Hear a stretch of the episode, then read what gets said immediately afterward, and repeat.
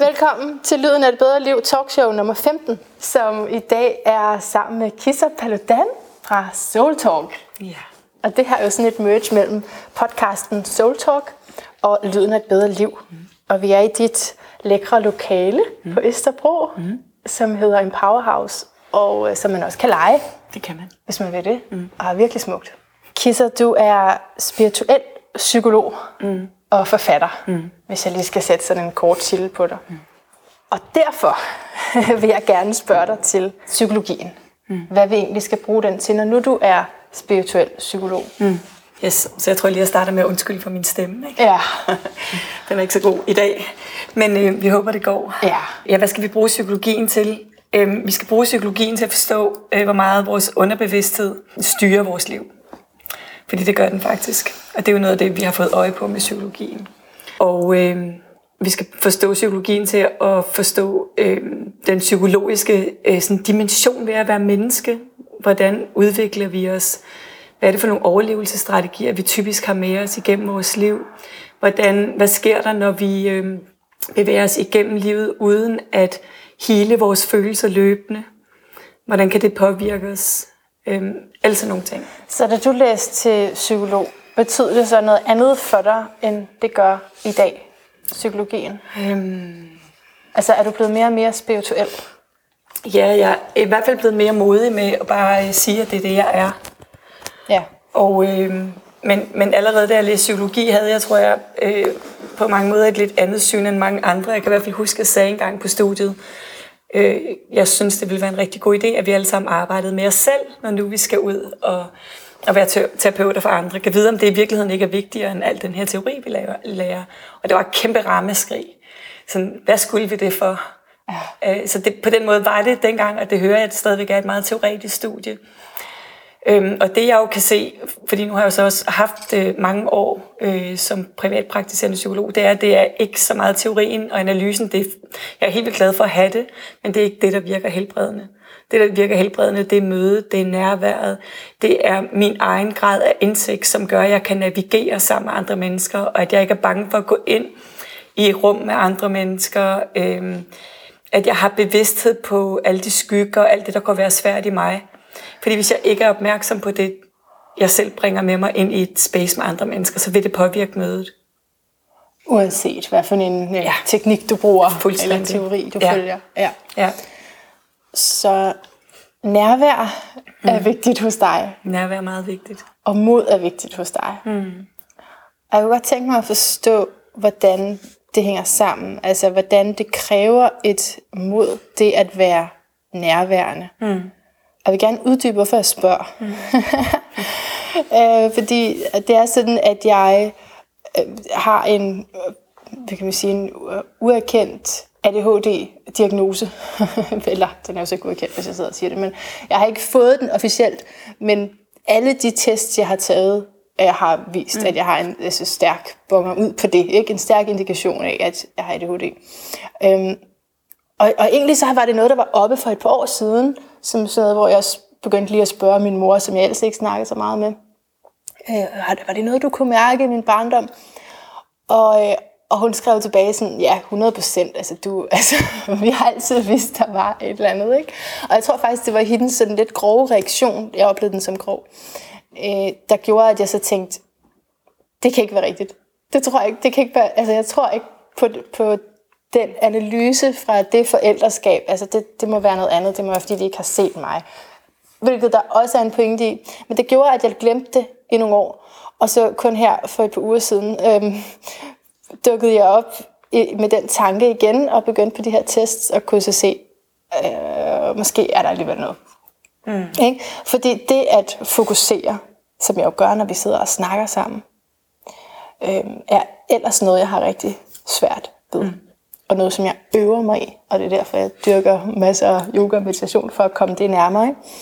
Ikke? Øh, men så når du taler om et mod til at være nærværende, så tænker jeg, kan man ikke bare altså, træne det? Mm. Hvorfor skal man være modig for at være til stede? Okay, så, så vi taler om to ting. Jeg får lige lyst til at svare netop på, på det, det, at du nævner ADHD som det første. Ja. Fordi Øhm, det kan godt være, at der er sådan en diagnose, who knows. Det kan også være, at det bare er din enagramtype. Der er i hvert fald nogle enagramtyper, der får rigtig mange ADHD-diagnoser, hvor det måske bare er typen. Øhm, og når nu vi snakker, hvad kan psykologien, så det, der er med diagnose, som jeg ikke er så vild med, det er, at vi kan have en tendens til at tro, at hvis vi får en diagnose, så er der noget galt med os. Og det bryder jeg mig ikke om. Der er ikke noget galt med nogen mennesker. Jeg, vil meget hellere, at vi så diagnoser, også selvom det var reelle diagnoser, som en invitation til læring. Øhm, både for os selv og for dem, vi har omkring os i vores liv. Det fik jeg bare lige lyst til at sige. Ja. Øhm, ja. ja, men det er rigtigt. Og det er også, jeg er heller ikke tilhænger af diagnoser overhovedet, så derfor har jeg også bare ligesom lagt det væk. Mm. Og det fokuserer jo netop ind i noget, som er, er galt med mig. Mm. Øhm, da jeg var teenager, så sad jeg med den store diagnose håndbog. Kender mm. I den? Den der? Nå, det er sådan en stor en.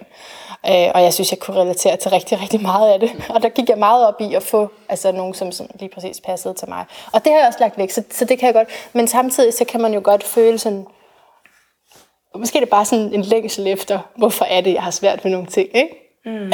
mm. Så det kan også give en rigtig god, en rigtig god forklaring. Ja. Og der er, ikke, der er ikke noget galt med det. Men, men det er måden, vi, vi går til det på. Ikke? Går mm. vi til det med frygt og mangel, så der er noget, der, der, er noget, der mangler i mig. Der er noget, jeg skal øh, udvikle. Der, der, er, der er noget galt med mig, som jeg skal lære. Eller ser vi det som, som bare en anden måde at være i verden på? Ja. Det synes jeg har stor betydning. Så, og så til dit andet spørgsmål, hvorfor ja. kræver det mod? Hvorfor træner vi det ikke bare? Så øh, kan jeg se, at grunden til, at det kræver mod for mange af os at skabe nærvær og blive i nærvær, det er fordi, den ene ting er, det skaber klarhed, når vi bliver nærværende. Og så kan man sige, hvem skulle have noget imod klarhed? Er det ikke skønt at kunne se livet og sig selv og alting klart? Men virkeligheden er, at de fleste af os er ikke så vilde med at se livet klart. De fleste af os øh, putter sådan nogle filtre hen over livet. Øh, som med håb og forventninger og drømme om, at det bliver nok anderledes, og det er nok også fordi alle mulige undskyldninger. Når vi virkelig bliver nærværende, så er det som om, så står virkeligheden mere klart ud, og det kan være skræmmende, fordi det kan også komme til at kalde på en anden form for handling, end det vi normalt gør. Hmm, så modet ligger i, at jeg måske erfarer noget skal ændres? For eksempel, så det kan være, hvis vi bliver virkelig nærværende, lad os forestille os sådan en eller anden julefrokost med familien. Øhm, den der familie, som vi måske ikke ser så tit, og har et anstrengt forhold til, og som alle synes, det skal være sindssygt skide hyggeligt, fordi at nu er det jo jul, ikke? Og hvis vi ikke er nærværende, så, så kan vi måske godt overhøre mærkelige kommentarer og kedelige stemninger og sådan nogle ting, ikke? Hvis vi bliver rigtig nærværende, så hører vi jo alt det og mærker det, og, og vil tage det ind, og så vil vores sjæl begynde at kalde på, at vi gør noget, at vi, at vi handler indenfra, fra vores sjæl, at vi, at vi i stedet for at være styret af frygt, som jo, når vi ikke er nærværende, så er det fordi, vi bliver frygtstyret, til at vi begynder at være let af kærlighed, og gør og siger det, som er i integritet med dem, vi er. Og det kræver altså mod for de fleste, så derfor så, så kan det være nemmere bare ikke rigtig at være der. Og, så, og det er også derfor, at nogen så beskriver, at det første tre eller syv dage efter sådan en julefrokost, at de tænker, fuck, det var faktisk overhovedet ikke rart. Og der var faktisk en, der virkelig trådte mig over tæerne, og jeg mærkede det ikke. Men jeg mærker det nu, og jeg fik ikke sagt noget.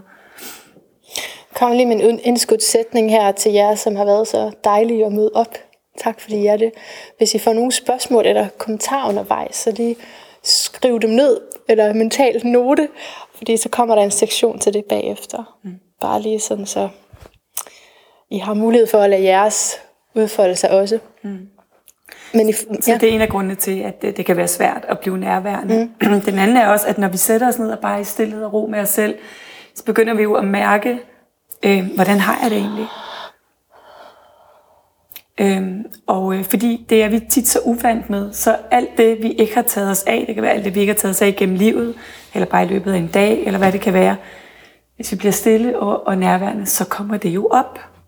Og fordi de fleste af os øh, ikke har lært, hvordan vi håndterer svære følelser, så ved vi simpelthen ikke, hvad vi skal stille op med det, så bliver vi bange for det, og så tjekker vi ud. Og så finder vi andre metoder til at slappe af. Så siger vi, om jeg kan tage et glas vin i stedet for, eller hvis jeg ser en serie eller sådan noget, så slapper jeg af. Men det er ikke det samme. Det er faktisk en måde at tjekke ud på og stikke af. Vi ved tit ikke, hvordan skal jeg bare komme til sted og være nærværende med mig selv, hvis det betyder, at jeg ikke Det kan være, at jeg ikke har det godt. Det kan være, at jeg opdager, at jeg er ked af det. Det kan være, at der kommer en gammel sorg op. Men man kan sige, at hver gang vi så ikke gør det, hver gang vi så flytter os fra meditationsfuden og gør noget andet, så fordi vi opdager et eller andet ubehag komme op, så er det lidt det samme, som hvis vi sagde til en god ven, øh, du kan ringe igen, når du har det godt. Lige nu, så synes jeg, du skal æde noget chokolade og drikke en glas rødvin, eller løbe en lang tur, eller arbejde lidt mere, eller hvad det nu kunne være, så du kan dulme, hvordan du har det, og så ring til mig, når du har det godt, så kan vi være sammen igen. Det gør vi med os selv hele tiden. Fordi vi simpelthen ikke ved, vi ved ikke, for vi har ikke lært det, fordi de færreste af os har haft forældre, som bare har været, kom skat, sid her hos mig, jeg kan godt se, at du har det svært, så sidder vi bare lige sammen med det. Ikke? De fleste af os har haft forældre, som er blevet urolige, eller nervøse, eller puttet kiks i munden på os, eller enten eller overdrevet det, og deres egne følelser er blevet aktiveret, så er de også blevet enormt kede af det, eller, eller urolige, eller også har de øh, lukket det ned. Så de færreste af os har lært reelt, hvad gør jeg, når jeg bare sætter mig ned og, og kommer til stede med mig selv. Og man kan også sige, at hvis vi ikke gør det, så er vi i virkeligheden dårlige venner for os selv, ikke? fordi vi ved godt med andre relationer, hvis jeg ikke er nærværende. Hvis jeg ikke bruger tid og energi på at komme til stede med de mennesker, jeg holder af en gang imellem, så kan jeg ikke bevare en nær relation med dem. Så glider det ud, så fjerner vi os fra hinanden. Og det er jo det samme med os selv, og vi er bare så uvant stadigvæk med at vide, hvad vil det sige at være i dyb forbindelse med mig selv. Og det der jo så også er, hvis vi ikke er i dyb forbindelse med os selv og nærværende med os selv, så er det svært for os at have os selv ude i livet. Ikke? Svært for os at undgå stress og svært for os at undgå depression og alle sådan nogle ting, fordi vi vender ting indad, og vi er ikke i stand til at passe på os selv. Hvis jeg ikke er hjemme, hvem skal så mærke, når noget er for meget? Hvis jeg ikke er hjemme i mig, hvordan skal jeg så mærke, når min chef siger, du laver også den der opgave til i morgen, og jeg er i forvejen overbebyrdet, så er der ikke nogen hjemme til at mærke det. Og så kan jeg ikke passe på mig selv, og så er det klart, så bliver vi stresset og depressive og, ang- og, og angstfyldte. Det er klart, det er da skræmmende at være i verden, hvis jeg ikke har mig selv. Så jeg tror, at rigtig mange af de sygdomme, siger i situationstegn, vi ser i dag, bunder i, øh, i manglende nærvær og manglende egenkærlighed. Og mod. mod til nærvær. Ja. Ja. ja. Giver det mening? Det, det gør det bestemt, og jeg har fundet ud at jeg, havde, jeg har haft modstand på meditation i lang tid. Jeg har dyrket yoga længe, men, men den der meditationsdel, den skippede jeg sådan rimelig hurtigt, ikke? Eller så er det ligesom shavasana, så er det ligesom det sidste der, hvor man ligger. Mm. Men ikke for sig, hvor jeg bare sad. Og det, det har jeg fundet ud af, at det har jeg og mit hoved brug for. Ja. Alle de der tanker, der... Tuk, tuk, tuk, tuk. Fordi det, det er det, der sker, når jeg bliver stille. Ja.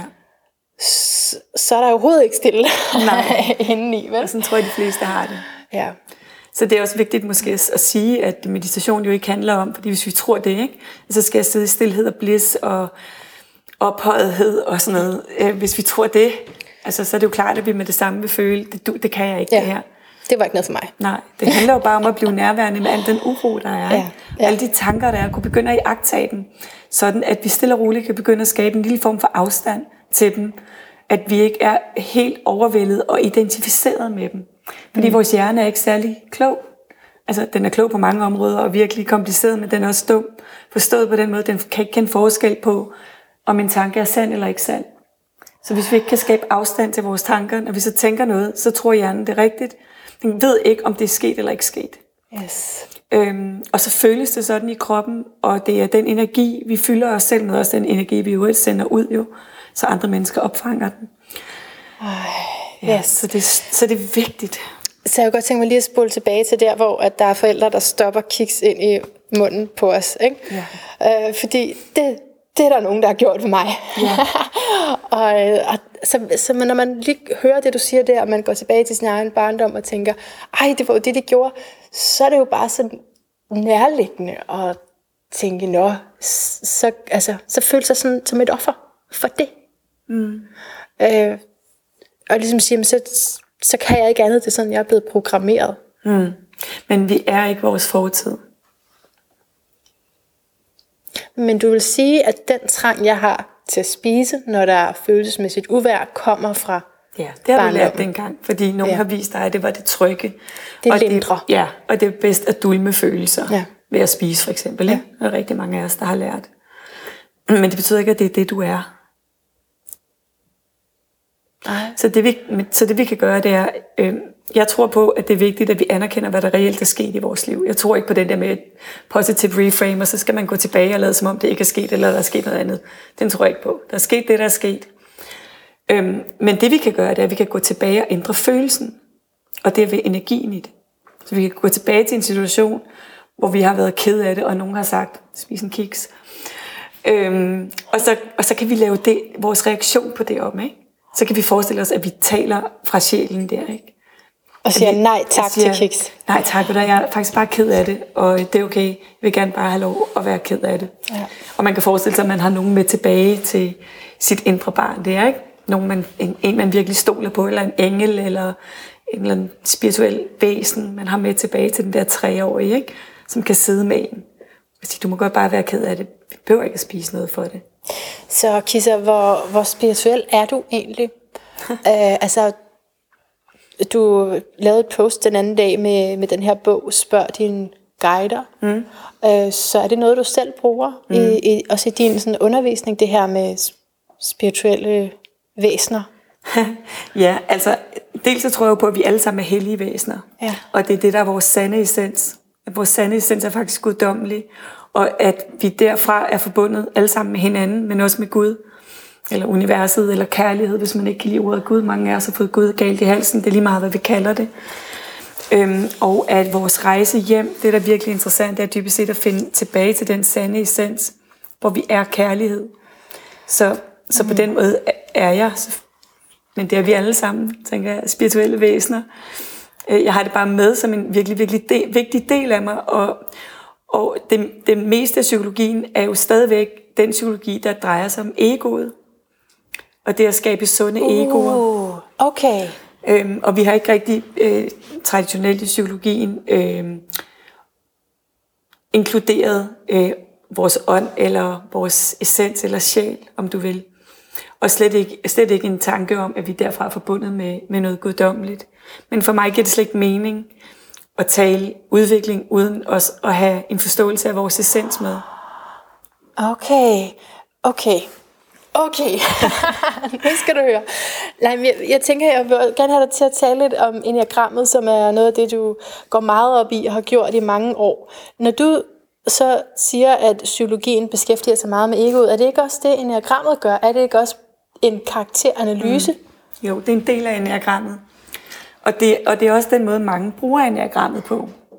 og jeg tror også, det er en nødvendig start på det, at vi, at vi forstår øh, og, og lander i vores personlighedstype, som jo er på en måde vores egostruktur.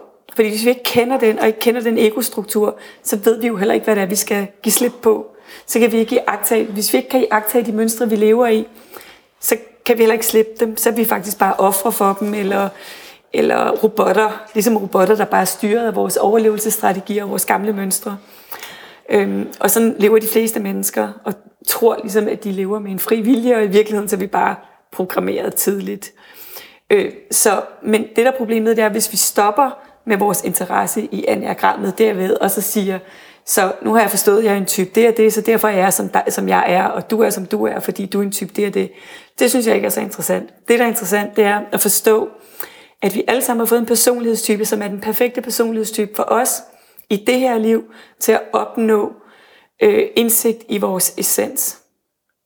Okay. Så det vi hver især kæmper med og roder med i vores personlighedstype, er også det, som vi potentielt har den største visdom omkring. Ja, okay. Så det, Hvis vi går vejen. Så det hele handler om faktisk at øh, opdage sin egen essens igennem ja, for, de... For mig er det det, det drejer sig om. For mig er det det, der er det interessante ved det. Så, så for mig handler det helt klart om at kunne iagtage og blive rigtig gode venner med mit ego. Jeg tror ikke på det der med, i mit yogacenter står det der med, at man skal lade sit ego være udenfor. Det bryder mig ikke om. Den der sådan med, altså, så er der noget af os, som ikke er i orden og ikke må være der, og ikke er spirituelt og sådan noget. Jeg tror, det er vigtigt, at vi har kærlighed til det hele. Okay, godt. Og, ja, og vi har kærlighed til vores ego og til vores personlighedstype, og til vores mønstre og overlevelsesstrategier, og til os selv, når vi falder og snubler i vores type og alt det skæve. Jeg tror, at alt, at alt er enten kærlighed eller et kald på kærlighed. Så hver eneste gang, vi er på en måde over for os selv eller andre, på en måde, som ikke er kærlig, så er det et kald på kærlighed. I virkeligheden er det ret enkelt, ikke? Man kan lave det klip der nu, og så lige optage med telefonen, og så øh, bruge det som ringetone.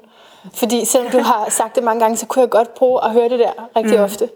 Det tror jeg, vi alle sammen kan. Vi glemmer det hele tiden. Ja, mm. ikke? når jo. man går der i sine egne tanker, og, og netop også får, som du sagde før, får følelsen i kroppen af, at det her, det er rigtigt. Ja. Om det er vrede, eller jalousi, eller lyst til at gøre noget, som jeg alligevel på den anden side ikke har lyst til, så kan det føles så stærkt, ikke? Mm, jo, det kan det. Det kan føles fuldstændig sandt. Ja. Ja. Så det i det hele taget at være villig til at se, se på sig selv og se på sit liv og se på virkeligheden anderledes. Med nye øjne. Med nye friske øjne. Og hvordan gør man det, siger du? Men ved at invitere villigheden ind, vil i første omgang bare være villig til det. Altså for jeg synes jo, når vi ser på netop, hvordan vi er programmeret, og hvad for nogle valg mm. vi så ender med at træffe, så er vi sådan rimelig predictable, ikke? Det, altså, jo, totalt karikeret dybest set. Ja, du, ja. Har, du har set det her på en plakat, og så køber du det to uger efter, uden rigtig at forstå hvorfor, fordi det er bare mm. sådan gået ind i din mm. bevidsthed nu. Mm. Men det kan man ændre. Det kan man ændre. Man kan ændre det ved, at jeg dels kunne se og få bevidsthed om, så hvem er jeg, øh, altså hvad er min enneagramtype, hvad er det for nogle overlevelsesstrategier, jeg har med mig, og så begynde at, at forstå, at det er simpelthen ikke virkelighed. Det er bare gamle overlevelsesstrategier, som har skabt nogle tankemønstre i mig, som føles virkelige, men det er ikke virkeligt. Og jeg kunne vælge at tænke noget andet. Okay. Jeg kunne vælge at se det her på en anden måde. Ja, ja det giver mening. Også når jeg er meget inde i astrologi jo. Ja. For lige at slå et slag for sådan en gammel filosofi der, eller videnskab. Øh, så det, det, det kan jeg genkende til, at jo mere, altså, jo mere indsigt du har, mm i, hvem du er. Mm. Men kan du også hæve det op over det, ja. du så er. Ja, men kan du ikke slippe det. Ja. Øhm, Kisser, vi skal til at tale om noget meget alvorligt. øhm, jeg har sådan tænkt, hvordan skal vi snakke om skam, fordi det er så lavt vibrerende, og det er hurtigt sådan, hvor jeg tænker, åh, der har jeg ikke lyst til at gå ned igen. Hvis man har haft skamfølelsen, så er det næppe noget, man har lyst til at, at dykke ned i, eller blive, blive i. Men øh, vi har begge to haft det, og vi har begge to også øh, brudt ud af noget familie i hvert fald. Mm. Og, øh, og stået med nogle af de der meget svære følelser. Jeg for nyligere end dig. Og jeg kunne godt tænke mig at høre, hvordan enneagramtyperne egentlig oplever skam. Fordi når vi taler om det, så jeg, jeg tror, at de fleste kan finde ud af, hvad det er i sig mm. selv, men jeg ved det ikke. Mm. Men samtidig så opleves det også lidt forskelligt, ikke? Alt efter... Jo, alt efter typen. Ja, hvem man er. Jo, altså det man øh, overordnet kan sige, det er, at skam jo handler om følelsen af, at der er noget galt med mig. Hvor skyld er mere, at der er noget, jeg har gjort galt, ikke? Som, som derfor også er nemmere at komme sig over, fordi man kan sige undskyld. Det er så dybt. Det er mig. Det er mig ikke? som menneske. Der, der er noget galt med mig som menneske. Ja. Og derfor så siger jeg ikke det her til nogen, fordi hvis andre ser det eller opdager det, så, så, så kan de helt sikkert ikke lide mig. Og derfor vi tit går med de der skamfulde ting, så gemt væk og deler dem ikke med andre. Og jo, derfor det er så helbredende at være i gruppesammenhængen, som for eksempel den gruppe, jeg afsluttede i går, en ældst du er gruppe, hvor alle siger det her med, at det at være i sammenhæng med andre, hvor vi deler det, vi skammer os over, det vi tror ikke tåler dagens lys og ser, at det har alle. At det er bare sådan en, en, en kollektiv øh, hemmelighed, vi alle sammen går rundt med, øh, er enormt helbredende. Så altså skam handler om følelsen af, at der er noget galt med mig. Har alle skam, sagde du det? Ja. Alle mennesker har skam, eftersom alle mennesker på ekoplan tror, at der er noget, de skal gøre eller være for at gøre sig fortjent til at være elsket. Okay, men så må der være grader af skam, ikke? Jo, der er grader af skam, ligesom der er grader af selvværd. Okay, ja. Og Og nogle af typerne, altså hjertetyperne 2, 3 og 4, de kender skam, som om de har bedre, bare bedre adgang til skam end de andre typer. De ved, de ved hvad det er. Altså jeg har to hjertetype børn, og, øhm, og, øhm, og specielt den ene har fra hun var helt lille talt om skam som det mest naturlige. Og i starten var sådan, hvad er det for en følelse? Hvor kommer den fra? Og, for den ligger ikke særlig øh, naturligt for min type, og heller ikke min mands. Okay. Der gik mange år, før jeg opdagede, at jeg havde skam siddende i mig, selvom jeg har arbejdet med mig selv, siden jeg var helt ung. Indtil jeg sådan kunne identificere, at ah, det er det, det er. Mm. Så, så det, jeg kan sige noget om, det er i hvert fald, jeg kan sige noget om, hvad er det, alle typerne tror, de skal være eller gøre for at være, være elsket, som giver os skamfølelsen. Fordi det, man kan sige, det er, at alle typerne har ligesom sådan nogle indre øh, overbevisninger om, jeg skal være eller gøre det her for at kunne være i verden og for at være værd elske. Og hvis jeg træder ud af det og gør noget anderledes, så, så aktiveres min skamfølelse. Så jeg træder, ligesom hvis man forestiller sig, at man har sådan en comfort zone, man lever ind i sådan en rund en, ikke? tegner med hænderne, sådan en rund cirkel rundt om mig. Ja. Øhm, så det øjeblik, jeg træder ud af den, så er det som om, så er der sådan en øh, alarm, der bliver aktiveret, og min skam går i gang.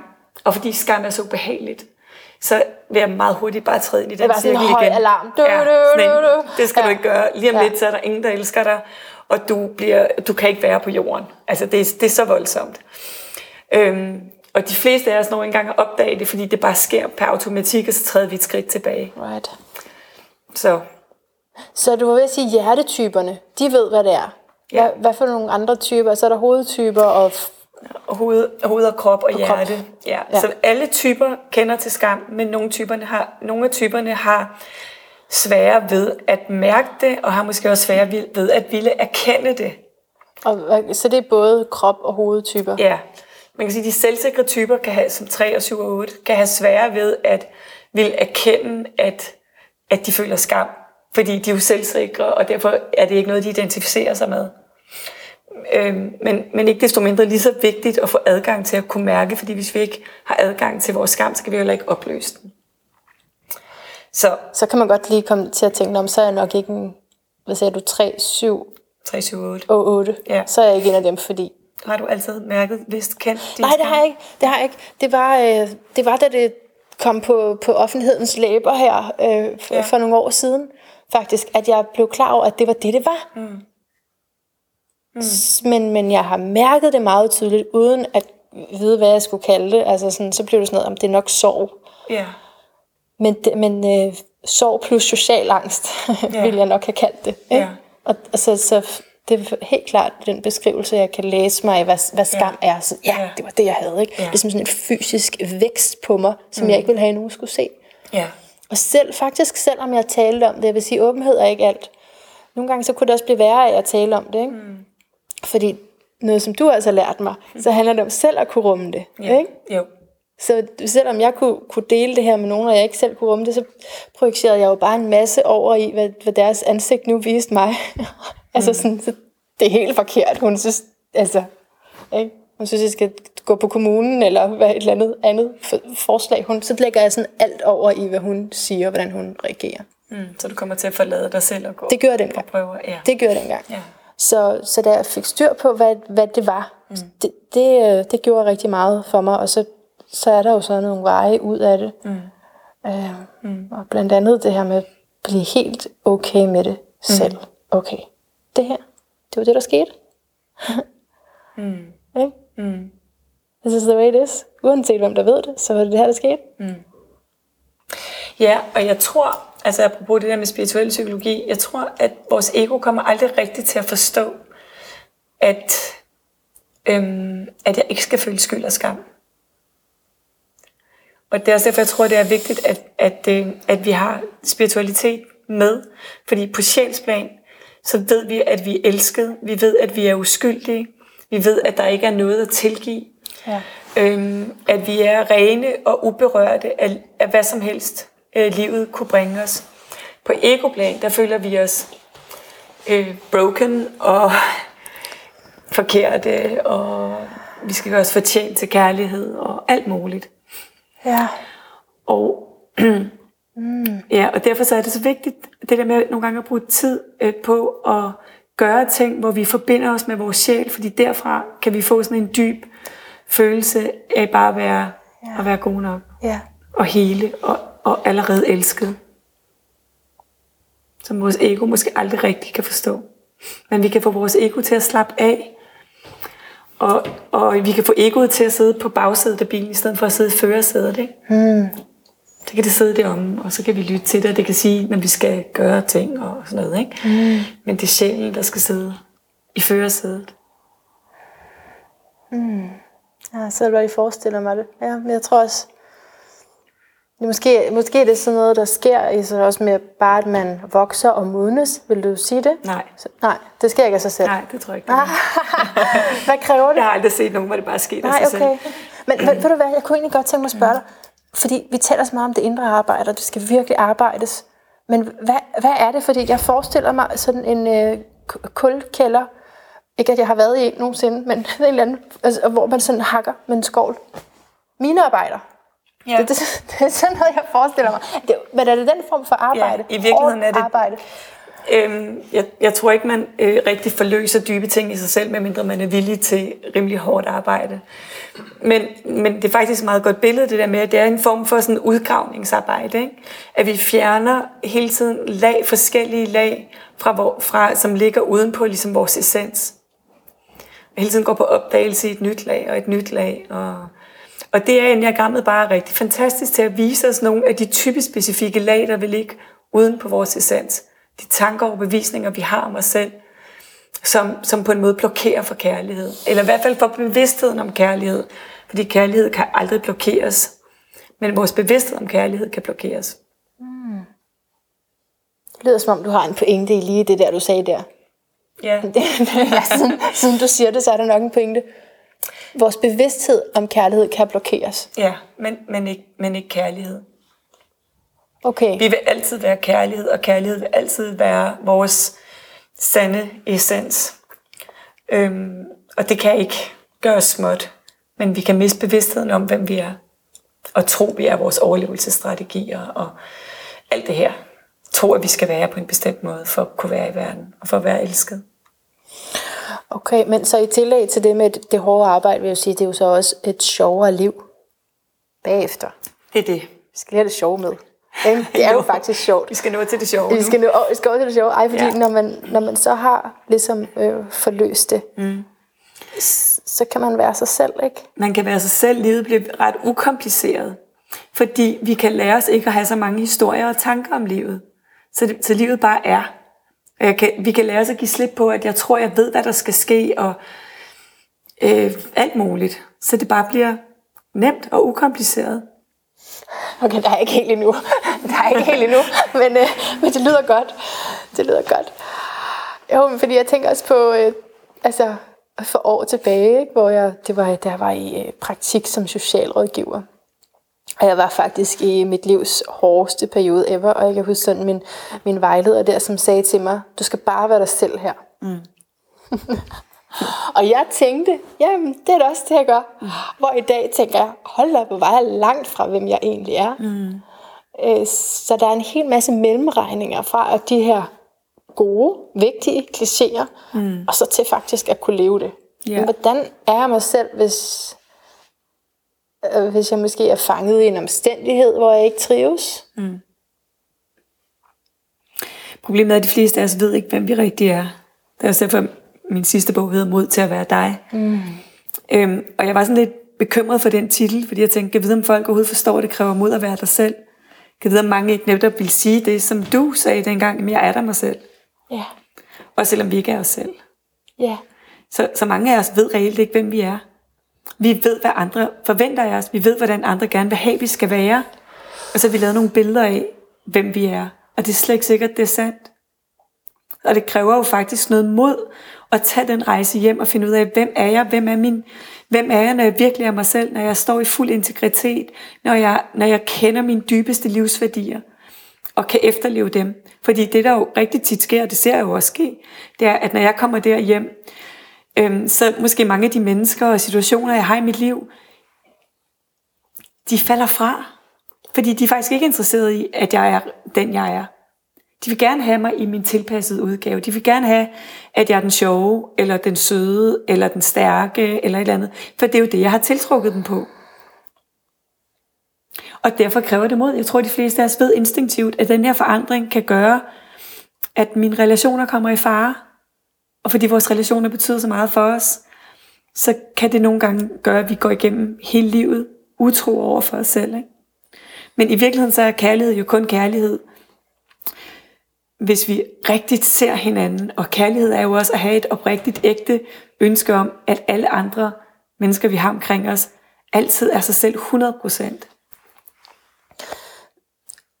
den her frygt, nej du, du sagde det ikke, det var mig selv, der tænkte det, tror jeg, men i forhold til relationer og frygten mm. for at miste mm. øh, tilknytning til dem, man, man holder af, og er vant til at være sammen med, er den værre, er den mere øh, udtrykt i nogle enagramtyper end i andre?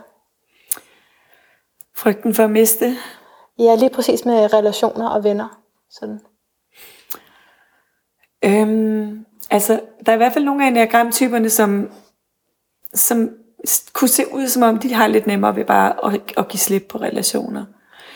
Mm, men jeg tror faktisk ikke, det er sandt, at de har det. Men de kunne selv have et billede af, at de havde det. Okay. Jeg tror, det er lige svært for os alle sammen. Okay. Jeg, tr- jeg tror, at frygten er lige, lige stor for os alle sammen.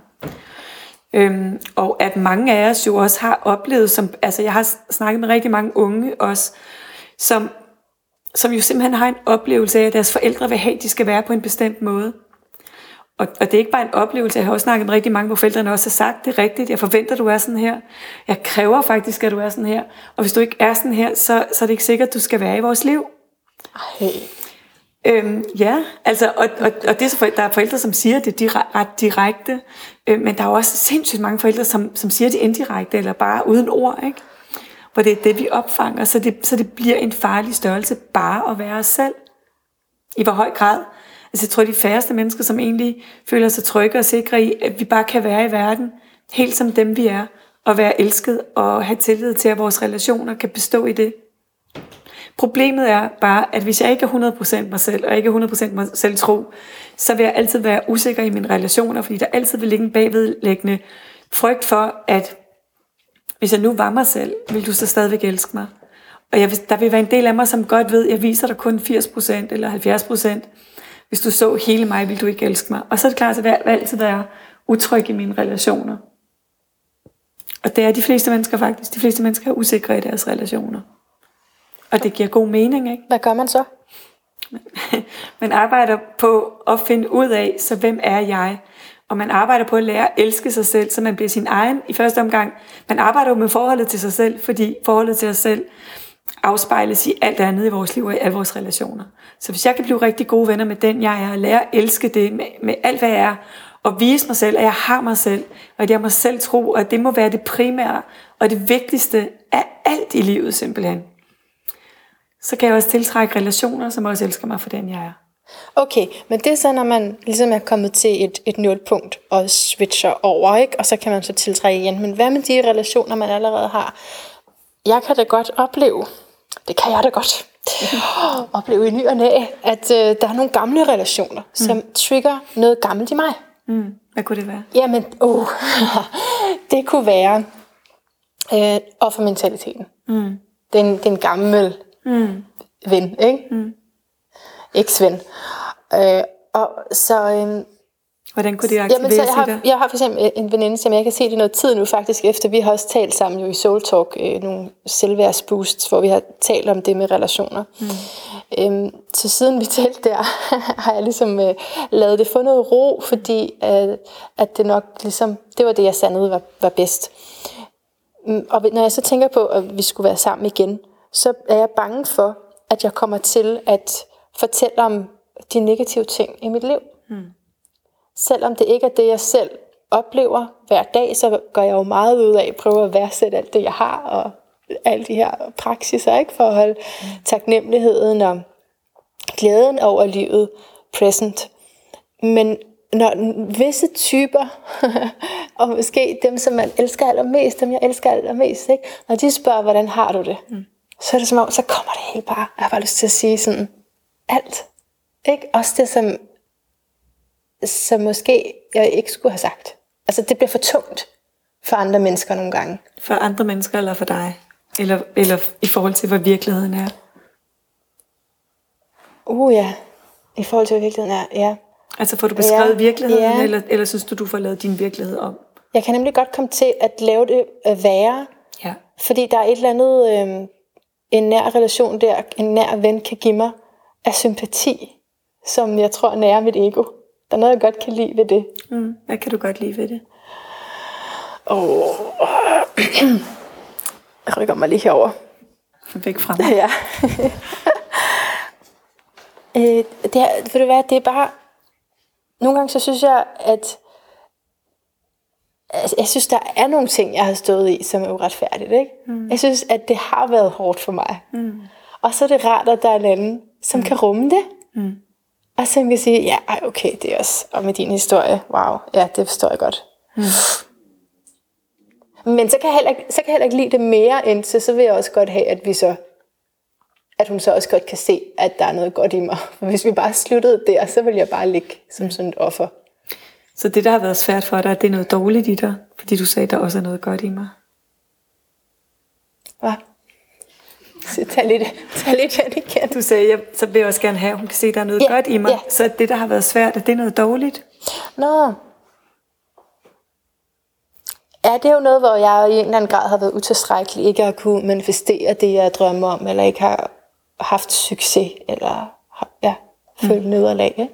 Okay, så, så det har du selv en historie om, at det er noget dårligt? Ja. Okay. Så det oh, har... er det skam, eller hvad? Det, ja. det kunne lyde sådan. Det kunne ja. i hvert fald lyde som om, at der er noget der i dig, du ikke har kærlighed til. Mm. Og som jeg prøver at få en anden til at rumme for mig, måske. Så kan vide, ja. hvad der ville ske, hvis du selv mødte dig selv i det og sagde, Nå skat, du har også gået igennem nogle svære ting. Jeg føler med dig. Og jeg har dig, og jeg elsker dig, og du skal nok klare det. Jeg kan godt forstå, at det er svært.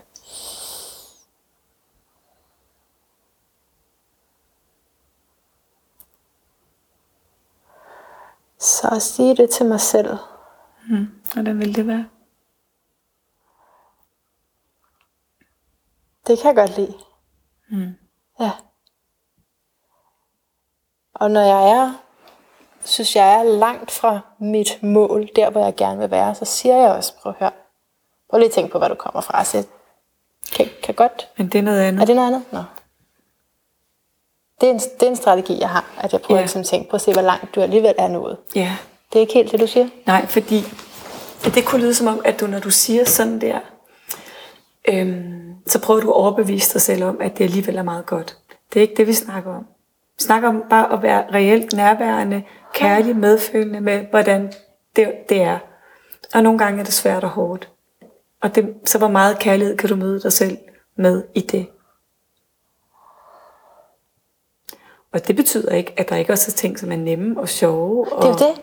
Ja. Det er jo det, vil jeg hellere tale om med mig mm. selv. Mm. Ja, og det er der så nogle af de typer som, som hellere vil. og problemet er, at hvis vi ikke, og specielt nogle af de typer hvis vi ikke giver os selv lov til også at have medfølelse med, og, og lige være ved det, der er svært, når det er svært, så bypasser vi os selv, og så bliver vi aldrig rigtig glade. Så vi, vi længes efter at være glade, men, men bliver det ikke rigtigt, hvis vi ikke tillader os også at sige, Nå skat, det er, sgu, det er hårdt for dig lige nu. Jeg føler med dig. Mm. Uden at stikke af fra det. Bare indtil det opløser sig, og så ikke mere. Så det er opløst. Så og tror en ven kan du være for dig selv. Tror du, tror du, det vil ændre dynamikken i et venskab, hvis jeg gav det til mig selv? Mm. Er det filosofien? Ja. Mm. Ja, det tror jeg. Når det er sagt, så kan vi godt have gamle relationer, øhm, hvor vi bliver mere udfordret på at være det autentiske jeg, vi er i dag. Fordi vi mærker, fordi alt er energi, jeg har lige været på et kursus, hvor hun kaldte os leaking buckets af energi, og det er jo, synes jeg, er fantastisk Som om det, det flyder ud af ja. os. Så hvis vi er sammen med mennesker, som forventer, at vi, at vi er, som vi var for 20 år siden, og som de ser os, øh, så vil vi mærke det. Og så skal vi selvfølgelig kæmpe lidt hårdere med at bevare vores egen integritet og bevare vores egen, hvad er jeg, hvad er jeg i sandhed? Giver det mening? Ja, men jeg vil gerne spørge dig til, om det er, om det er relationen, der gør det i sig selv. Altså om det vidderligt er, fordi det, det kan ikke lade sig gøre mellem dig og din ven. Mm. Der er simpelthen en, en gammel energi der, som du ikke længere resonerer med, eller om det er dig, der projicerer det over, fordi du ved jo godt, når man kommer sammen med nogen, som man har været sammen med for år tilbage, så husker man også nogle ting, og så pludselig så er man lidt den også. Ikke? Ja. Så inden man kan svare på dit første spørgsmål, så vil jeg altid kigge på nummer to, og altid først kigge på, hvad handler det her om i mig? Hvordan kan jeg tage ansvar for de følelser, der opstår i det her møde? Og hvordan er det møde med et andet menneske, et kald på noget i mig. Hvad handler det her om i mig? Det vil jeg altid kigge på først. Så når du for eksempel sidder sammen med den der gamle veninde, og du kommer til at fortælle mere om din ulykkelighed, end du egentlig har lyst til, Ja. hvad handler det om i dig? Jamen, jeg ved det. Jeg er ikke helt sikker, fordi det er ret sådan counterproduktivt, kontraproduktivt. Det, det resulterer ikke i det, jeg ønsker. Nej, det giver dig faktisk ikke det, du, det, du ønsker. Nej. Du kommer til at fastholde dig selv i en, i en negativ historie, som ja. Giver dig noget. Ja. Og du får i virkeligheden ikke rigtig bearbejdet noget som helst ved at gøre det. Nej. Mm. Så det der kunne mås- handle mere om mig. Det vil jeg tro, ja. fordi du siger der. Mm. Så jeg vil gå på opdagelse i, hvad handler det om. Men, men så det, du siger med leaking buckets og, ja. og energi, som vi ikke længere er et vibrationelt match til, så betyder det, at der er nogen, man er nødt til at sortere fra. Der, ja, altså der, der kan jo ske det, man snakker om, at der er ni, en, ni øh, udviklingsniveauer i enagrammet, ikke? Ni forskellige bevidsthedsniveauer, som også er forskellige be- niveauer af nærvær og niveauer af egenkærlighed. Altså, Ka- der, der er ni kærlighed. forskellige typer. Bliver de bedre og bedre for hver type? Mm, den, den, nej, så det har ikke noget med typerne at Nå, gøre. okay. Så der er ni forskellige udviklingsniveauer, okay. hvor niveau 1 er det højeste niveau, og niveau 9 er det laveste niveau. Okay. Og, og energifrekvensen, øh, vibrationen, er selvfølgelig forskellig, afhængig af hvilket niveau vi er på. Og det sprog, vi taler, er forskelligt. Og hvis man er mere end et par, to-tre niveauer fra hinanden, så begynder man simpelthen ikke at kunne forstå hinanden. Og kan ikke være i en tæt relation med. Og det er derfor, at, at rigtig mange af de mennesker, jeg har i mine grupper, de flytter sig nogle niveauer. Øhm, og så lige pludselig, så skal deres tætte relationer enten følge med, eller også så, så kan, kan, kan det ikke lade sig gøre længere. Hvorfor det er vigtigt, at vi altid beder om, at vores partnere og nære relationer følger med os. Det er interessant, var. Ja, At man får et helt andet sprog. Ja. Og det er jo ikke, du mener ikke altså, nye ord, eller sådan. Nej, men det bliver simpelthen et andet sprog, fordi jeg bliver i stand til at se mig selv på en ja. Ja, helt anden måde. ja, Og jo lavere niveau, jo lavere indsigt har jeg reelt i, hvem jeg er. Så jeg kan simpelthen ikke se, hvis du siger noget om mig, så kan man simpelthen ikke se, det er sandt. Fordi jeg er fastlåst i mit eget billede af mig selv, og hvordan verden er. Og, det har, og, og det, de ting, der sker i mit liv, har ikke noget med mig at gøre. Så offermentaliteten bliver større og større. Det er ting, der sker mod mig, og det er andres skyld. Og hvis verden og alle de andre kunne lave sig om, så kunne mit liv være fedt. Og jo højere niveau vi kommer på, jo mere forstår vi, øhm, mit liv er en projektion af forholdet til mig selv. Og det er det, jeg må, jeg må tage, det er det, jeg må tage ansvar for. Og hver gang der sker noget, hver eneste gang nogen lige træder mig over tæerne, eller et eller andet ikke går, som jeg synes, så er det et kald på en udvikling inde i mig. Så den form for tilstedevær, Ja. og den form for Ja. ansvar for Ja. sig selv. Ja, så det synes jeg er nogle rigtig gode ord for, hvad man måske ellers også skal bare kunne sådan fornemme, om det er for mm. negativt til mig, eller sådan, så er det mm. faktisk en nuancering af det, det der. Mm. Det er ligesom, hvis du har øh, lige lært at regne, ikke? og Jo. så gå op til en, som er professor, eller altså, så er der bare Ja. et, et stykke vej, før vi rigtig kan bonde der. Ikke? Jo. Jo. Så det er vel den form for lille indsigt kontra Ja. Ja. at leve det. Ja. Og rigtig tit, så bliver vi også tiltrukket af nogen, som, som måske ligger lidt det samme sted som os selv. Uanset hvilket niveau vi er på, ikke? Ja. Jamen, det er jo godt nok. Ja. Så, eller hvad? Eller selvfølgelig ikke, hvis, ja, altså det er det hvis jo. det ikke går så godt, så... Det man kan sige, det er jo også, at hvis man så ikke er på så højt niveau, så vil man også tit blive tiltrukket af Ja. nogle andre, som ikke er det. Ja. Og så kan man bare fastholde hinanden og sig selv i, i det der sådan lidt lavere indsigtsniveau. Så der er det måske fint nok aktivt at gøre noget. Ja. For nu nævnte jeg her før også, at vi begge to har brudt med noget familie, og jeg synes stadigvæk, mm. det er svært at sige, fordi mm. det er sådan... Altså, vi er alle sammen i den her verden, og det er ikke fordi, altså, at skulle komme med sådan en lang historie om det, mm. men, men det, er, det er enormt sårbart at lige præcis at vælge noget familie fra. Men ja. det er så en af konsekvenserne. Ja. Ja, altså det kan jo være en af konsekvenserne. Jeg har det, jeg har det sådan, at det, der er vigtigst for mig i mit liv, det er kærlighed. Øhm, og det er kærlighed til mig selv og de mennesker, jeg har omkring mig. Og alle de relationer, som er kærlige og nærværende, vil jeg super gerne have. Men hvis relationer er de steder ukærlige, øhm, så, så, så skal de ikke være i mit liv. Altså, så føles det ikke kærligt. Det betyder ikke, at vi ikke kan slippe relationer i kærlighed. Og de mennesker, jeg har sagt farvel til i mit liv, sender jeg kærlighed til hver dag. Gør du det? Ja, det gør jeg. Alle sammen? Ja. I hvert fald de, dem, som virkelig har betydet noget. Ikke? Ja, ja. Jeg ønsker dem alt godt, og jeg har bærer dem med kærlighed i mit hjerte. Men det betyder ikke, at det er kærligt at være sammen. Så vi tror nogle gange, at hvis vi skal sige farvel til nogen, så skal vi ikke kunne lide at gøre os uvenner med. Og det er ikke sikkert, det er sådan. Nogle gange, så kan det også bare være sådan nøgtern. Det føles ikke kærligt at, at være i det her. Det, der, der er nogle helt andre værdier end mine værdier, for eksempel.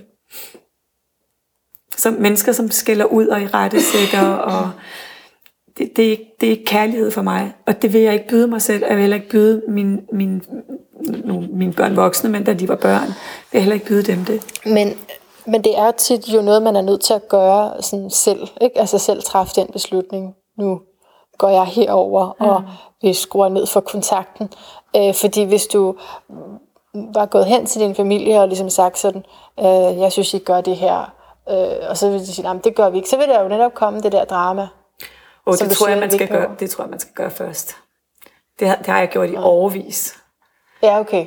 og jeg tror, så det er jeg, efter en hel masse ja. encounters. Ja. Jeg, synes, det, jeg synes, det mest ærlige, det er, at lige så snart noget opstår i kærlige nære relationer, som føles ukærligt, at vi så siger det. Alt andet er, er ikke kærligt. At gå med, og gå med for sig selv, og lave historier om for sig selv, og afvise og tage afstand fra, uden at sige noget, det er simpelthen ikke kærlighed i min optik altid det kærlige at sige, der sker det her, det, det føles skævt ind i mig, kan vi snakke om det? Og kan jeg anmode om en anden måde at være sammen på, for eksempel? Og, og, og det, det betyder jo ikke, at vi prøver at bestemme over andre, eller vi siger, hvad andre skal gøre, men vi har altid ret til at anmode om en måde at være sammen med andre mennesker på, som føles kærlig for os. Og så er det jo altid andre menneskers helt fri vilje at sige, det vil jeg gerne imødekomme, eller det vil jeg ikke imødekomme.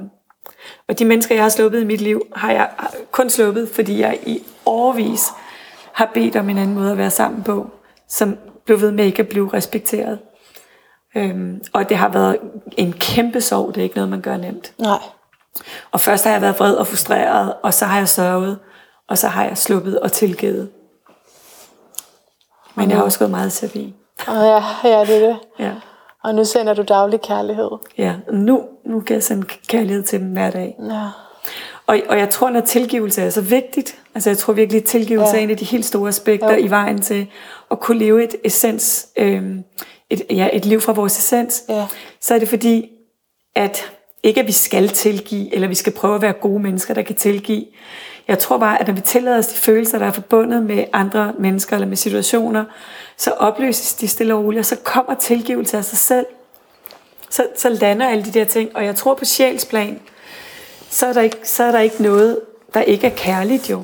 Så nogle gange så ser jeg dem, jeg ikke har kontakt med, med mere på sjælsplan, og så ser jeg, at vores sjæle er ren kærlighed også til hinanden. Der er ikke noget uforløst der. Men på egoplan og i det menneskelige liv er der nogle ting, vi ikke kan blive enige om. Ja. Der har vi for forskellige værdier. Hvis det giver mening. Jo, som en, som en vej til at tilgive, at tjekke ind i, at jamen, de er det samme som mig. Ja, de er det samme som mig. De, er lige så, de er lige så elskelige, som jeg er, ja. og som dem, jeg elsker, er. Ja.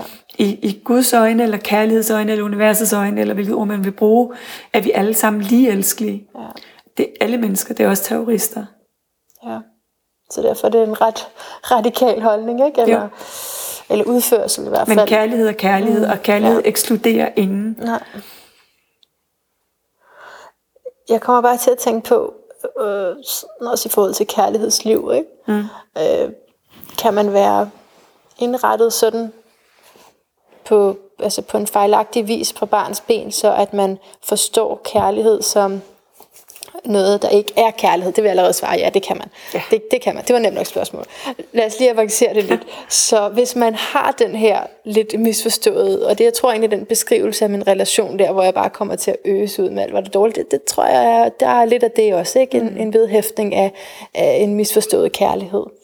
Øhm, hvordan tiltrækker man så pludselig noget andet? Altså, fordi jeg kan jo ikke blive ved med at gå og og, og ikke ringe til dem, jeg kender, eller sådan, og ikke have kontakt med folk. Altså, det er nogle gange nemmere, ikke? Jeg ved ikke, om I har været der. Jeg der sidder her, men, men altså, nogle gange så har man så bare, okay, så har jeg ikke kontakt med nogen, fordi det er meget nemmere, fordi det går i skud og mudder. Mm. Øh, men altså, yeah. hvordan ændrer jeg på den indstilling i forhold til kærlighedstiltrækning? Og, og måske vi især ser det også med, med, med mænd. Mm. Altså egentlig så synes jeg jo, at vi lærer allerbedst i vores relationer. Og det der med, at øh, altså kan man sætte sig øh, på, et, på et, et silent retreat, eller på en bjergetop, eller sådan noget, ikke, det skal man også gøre, det er også fantastisk. Men, øh, men, men altså livet leves jo og udvikles faktisk bedst i vores relationer. Så jeg vil ikke lade være med at ringe til nogen, men jeg vil øve mig i at gå på opdagelse i, hvad er kærlighed for mig? Hvornår er jeg kærlig over for mig? Og jeg vil beslutte mig for, når jeg er sammen med andre, så skal jeg være lidt af kærlighed til mig. Og gå på opdagelse i det. Og gå på opdagelse i, hver gang det går galt. Og hvis du for eksempel kommer til at dele for meget, så bagefter gå på opdagelse i, hm, det føles egentlig ikke så kærligt, at dele, øh, der delte jeg egentlig noget, jeg egentlig ikke havde lyst til at dele. Øhm, fordi det kunne være rummet ikke var til det. Det gør jeg for eksempel selv ikke. Jeg deler ikke meget personlige ting, hvis jeg ikke fornemmer, at der er nærvær og rum til det. For det føles ukærligt. Jeg har brug for, at der er nærvær og rum, og at øh, man ikke flakser rundt i samtaler, for at jeg har lyst til at dele noget, som er meget personligt eller sårbart, fordi det føles kærligt. Og jeg kan godt finde på at bede om, så kunne vi, kunne vi skabe det rum, så ja. jeg kan få lov at folde det her ud. Ja. Men, men i virkeligheden handler det jo om det, om dit forhold til dig at du hele tiden sammen med andre mennesker går på opdagelse i det, og giver udtryk for det, og beder om det. Men og... lige i forhold til en partner. Nu har du været sammen med din så længe. Det er jo det. Ikke? Jo. Øh, men du har jo øh, du har, du har også en masse i parterapi, og har haft mm. det tidligere især også, ikke? Mm. Så du ved noget om det, ja. når kærlighed går skævt. Du ved lidt om det. Ja. Øhm, og I har jo så også arbejdet for at få det gode, som I har, det ved jeg godt.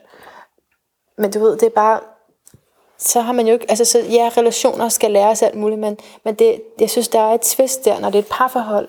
Fordi der skal man heller ikke lade stå et model til en hel masse, ellers altså ligesom bare leve med den dysfunktion. Man skal ikke stå model til noget som helst. Nej, okay. men, og man skal ikke leve med, med nogen dys, dysfunktioner. Men det er det, jeg har, har tiltrukket, må man måske sande. Ja. Jeg har tiltrukket det, fordi jeg har en lille smule misforstået øh, kærligheden, og så er det så det. Ja. Øh, og så du har bare tiltrukket, du har bare tiltrukket noget, du har lært som barn. Ja. Og tiltrukket noget, som du tror på om dig. Mm. Der må være noget i dig, som tror, at det er sådan der kærlighed er. Og yes. det er det, jeg kan få. Og, ja. ja. Og, og det er det, du skal ændre på. Ja, men det er fordi, du, du siger mm. før, men relationer, det, og det er, øh, altså parforholdet er der virkelig en kilde til selvindsigt. Enig. Kæmpe. Men den kan så også bare være så problematisk, at ja. man ikke skal tage imod den kilde til selvindsigt. Nej, det er stadigvæk en kilde til selvindsigt jo. Ja. Men det kan godt være, at hvis du er, er dig selv 100% tro, og er, lever i det her parforhold i forlængelse af kærlighed til dig, at så er det muligt, at det, kærlighed, det kærlighedsforhold ikke kan bestå muligt, at det kan være kærligt. Det er muligt, at den partner, du har fundet, er så langt fra indsigt og kærlighed til sig selv, at han ikke er i stand til at mødekomme dig der. Det kan sagtens være. Men så er det jo sådan, der. Okay. Og så giver det ligesom sig selv. Ja. Apropos tilbage til det der med nærvær, når du bliver virkelig klar på, hvem er jeg, og er til stede og nærværende i dig selv, så bliver sådan nogle ting også ret tydelige. Ved man bare så noget så? ved man ikke bare, men man kan træne det. Ja. Man kan træne og mærke jo, og være nærværende nok til at kunne mærke, når noget er skævt, når noget føles ukærligt, når noget føles grænseoverskridende, men, eller sådan, men der vil jeg lige indvende, på det. Jeg vil lige indvende, fordi i et parforhold, så er det jo op, og det er ned. Nogle, altså mm. generelt i parforhold, nej, men i, i mine parforhold, ikke? så har det været op og ned. Mm. Og, og jeg har hørt det fra andre også, at så kan man jo være inde i en, en fase, hvor øh, at det er ren lykke og harmoni. Mm. Og man tænker, vi er totalt meget på niveau. Yeah. vi taler samme sprog. Yeah. Og så kan der på dag efter komme noget, som viser det modsatte. Yeah. Så det er vel ikke helt så nemt som bare at sige, jeg er i integritet med mig selv, hvis jeg går nu. Nej, det betyder ikke, at man bare skal gå. Og, og, og når det går ned, så handler det jo altid om at kigge på, hvad min andel af det? Det vil jeg altid kigge på som det første. Hvad min andel i, at noget er svært lige nu? Hvad er det, jeg skal lære i det her? Mm. Ja. Sådan at vores relationer hele tiden bliver en, en læring for os. At vores relationer hele tiden kan være med til at tage endnu et lille lag af de der lag af, så vi kommer tættere på os selv. Men forstår du udfordringen i, at når det, at det går op og det går ned, så siger det to forskellige ting til mig? Nej, det må du forklare mig lidt bedre. At, at, at, på, at i nogle uger, så kan det være et så harmonisk forhold, at jeg tænker, mm. det, det er lige det her, mm. jeg skal være i, og jeg er totalt mig selv. Og i andre uger, så kan det være så dysfunktionelt, at jeg tænker, det kan jeg overhovedet ikke finde mig i det her. Ja, det forstår jeg godt. Så det skifte, det, Så hvad, hvad kunne det være, der kunne blive så dysfunktionelt, at du tænker, det vil jeg ikke være i? Nå, men Hvordan kunne det se ud? øh, ret grælde skænderier. Okay, voldsomme skænderi. Ja. Ja, Så, så er jeg ude. Det gider jeg slet ikke. nej. Øh, og så alligevel, så kan der være noget, som giver mening i den. Så der skal to til Sammenhæng. et skænderi, jo, ikke? Ja, jeg er der bare ikke. jo, det er der så også. Okay, ja. Ja, Så jeg vil altid kigge på, så, så hvad, handler det, hvad, hvad er min andel af et skænderi? okay. Okay, jeg skulle lige møde dig i den der. Okay. Og, og der skal to Ja. til en konflikt. Ja. Og så der er jo nogle helt basale ting, man kan træne sig i, for eksempel omkring kommunikation, som når et, et skænderi eller en konflikt er under optrapning. Og, og kende sig selv i det, og vide, hvad er det, jeg typisk gør. Og det er også enneagram bestemt, hvad vi typisk gør. Min mand går for eksempel typisk i forsvar, og jeg vil typisk gå til angreb. God dynamik der. Ja, det har været så fint. øhm, men fordi vi begge to har lært det og kan se det, ja. så kan jeg jo høre en angrebstanke, Ja, ja. Ud, før den kommer ud af munden på mig. Og så lader jeg være med at lade den komme ud af munden på mig. Så tager jeg bare, at det er min type, der er ved at stikke af med mig lige nu. Det behøver jeg ikke at gøre. Og så har, jeg, har vi trænet rigtig meget, at han ikke går i forsvar. Og nogle gange har det været sådan, da vi var meget yngre, at jeg bare har sagt, nu går du i forsvar igen. Kom tilbage, når du er klar til, at vi kan tale om det, uden at du forsvarer dig. For du hører ikke, hvad jeg siger, når du går i forsvar. Men du har kunnet tiltrække, på trods af den opvækst, du har haft, mm. alligevel et, altså den mand, du skulle være sammen med. Mm. Hvor jeg tænker, andre, som har måske besværlige baggrunde, mm. vil kunne tiltrække ikke, mm. ikke det, som Nej. er ideelt for dem. Men kærlighedsmæssigt har jeg også nogle gode ting med mig, fordi jeg har set øh, min mor og far være meget, meget, meget øh, glade for hinanden, og lojale, og kær- et meget kærlighedsfuldt forhold. Okay. Øh, faktisk altid. Ikke, ikke altid sundt, men meget kærligt Okay. og lojalt Ja. øh, og tæt. Mm. Øhm, og indtil jeg blev teenager, har jeg også fået ret meget kærlighed. Okay. Okay. Så jeg tror, det gør en forskel. Jamen, det tror jeg også, det gør. Mm. Nå, det var sådan en, det var en lille ting, jeg havde undret mig over. Det var meget godt lige for den. Okay. Ja. Men ud over det, så skal vi faktisk til at, at runde lidt af her. Øhm, jeg har slet ikke fået stillet alle spørgsmålene på papiret. Jeg skal lige nå to ting, og det sidste er bare øh, mit, mit standard spørgsmål om, hvad din lyd af et bedre liv er. Men først vil jeg spørge dig om, hvad er dit vigtigste budskab til menneskeheden er? Men det er jo helt klart kærlighed. Det, som er allervigtigst for mig, det er, at vi, at vi forstår, at alt i verden er, som, som står i et kursus i mirakler, et, enten kærlighed eller et kald på kærlighed. Og at vi tager ansvar for alle de dele af os selv, hvor vi, hvor vi ikke er kærlige. Og i første omgang i forhold til os selv. Fordi hvis vi kan, hvis vi kan skabe kærl- et, et virkelig, virkelig kærligt forhold til os selv, så, så kan vi skabe det samme kærlige forhold til andre mennesker og til verden. Så jo mere kærlighed jeg har til mig, jo mindre dømmelig bliver jeg, jo mere omfavnende og, og, og jo større kærlighed får jeg dybest set til alle mennesker. Ikke? Så kærlighed er kærlighed, så kærlighed er ikke bare kærlighed til mine nære, eller min mand, eller mine børn. Det er kærlighed til menneskeheden. Og, og jeg tænker, at hvis noget er vigtigt, i, også i den tid, vi lever i lige nu, så er det at forstå, at bevidsthed og bevidsthedsudvikling faktisk er en måde, vi kan redde jorden på. Ja, Ved at vi alle sammen for vores eget vedkommende tager ansvar for, hvordan skaber jeg krig og ubalance inde i mig. Som så jo bliver en projektion, i stedet for at vi peger fingre i, at de andre skulle til at lære at opføre sig ordentligt. Så kigger på alle de områder, hvor jeg selv skaber krig og, og noget, der er ukærligt inde i mig i forhold til mig selv, som jeg projicerer ud på andre mennesker og på verden. der er heldigvis en bølge. Jeg håber, den er stor. Den er kæmpestor. Jeg håber, den er rigtig, rigtig stor. Jeg har med det her fuld budskab. tillid til den bølge. Det er godt. Mm. Ja. Det kunne være fint, bare hvis vi kunne diskutere politik også. på en anden måde. Nå. Ja, det kunne være så fint. Okay. Det kommer. Ja. Så Kisa Paludan, hvad er din lyd af et bedre liv, vil du sige? Altså det er måske ikke lige det bedste sted at spørge mig lige dag med, den, med den her stemme. Mm, lyden af et bedre liv. Ja. En lyd.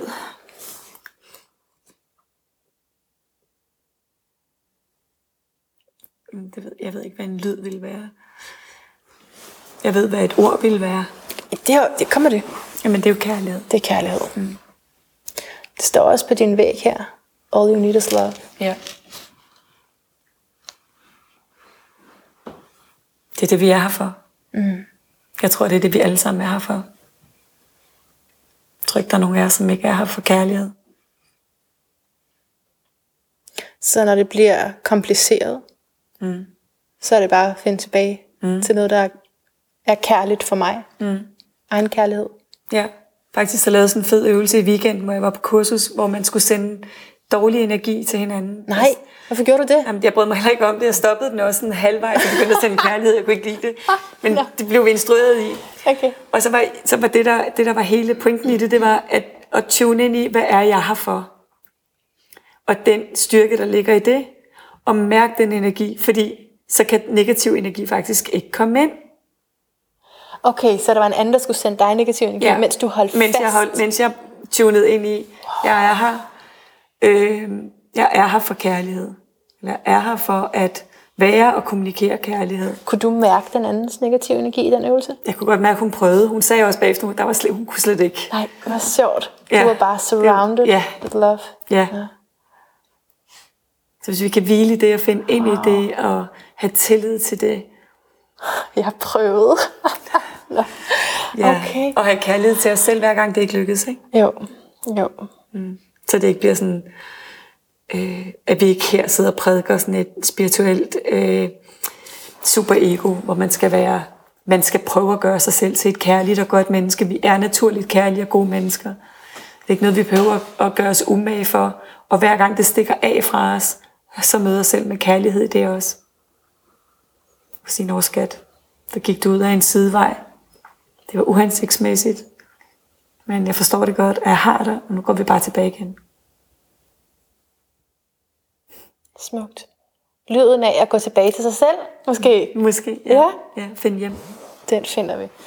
Alright. Så tusind tak så langt, Kisser. Og tusind tak til dig for dine gode spørgsmål og åbenhed. Vi har jo lige et segment mere med øh, spørgsmål fra jer, der er kommet. Det vi har snakket om her i dag omkring øh, niveauerne i enagrammet, Ja. ja. det her enagram, det har virkelig også hjulpet mig ja. til at finde frem til, hvad der har gjort, at jeg ramte ind i den periode, jeg mm. gjorde. Hvor dejligt. Øhm, bliver sådan helt bevæget. Ja, kan jeg godt forstå. Men de her niveauer, mm. øhm, der har jeg været på et meget lavt niveau mm. og vokset. Mm. Men jeg kunne godt tænke mig at vide mere om niveauerne. Mm. Hvordan man ved, hvor man er. Mm. For det synes jeg godt kan være svært nogle gange, når jeg har kigget på niveauerne, har Ja. købt en bog, mm. og finde ud af, hvor er jeg henne, mm. øh, og hvordan kommer jeg højere op. Ja. Og kan jeg være på det ene niveau den ene dag, og så den anden Ja. dag rykke mig? Ja. Ja, altså er nogle typerne svinger det mere i niveau end andre. Så ved du, hvad type du er? Ja. Jeg er høre? sekser. En type 6, okay. Øhm, altså, måden at bevæge sig op i niveau er jo at træne nærvær. Ja. Så man at have en nærværspraksis hver eneste dag. Sådan at vi bliver bedre og bedre til at kunne iagttage vores tanker og mønstre. Og så der er en bog, der hedder Personality Types, ja. som øh, Ross Sutton har skrevet, hvor der er en beskrivelse, simpelthen, som er virkelig fantastisk, af hvert niveau, og den frygt, der er på hvert niveau af hver type. Så hvert niveau udløser en ny frygt. Og derfor og en ny tankesæt og nogle nye handlinger. Mm. Den kan virkelig anbefales. Øhm, men jeg synes, det er så vigtigt bare at gå på opdagelse i, hvad er det for nogle tanker, jeg begynder at tro på om mig selv, når jeg er presset.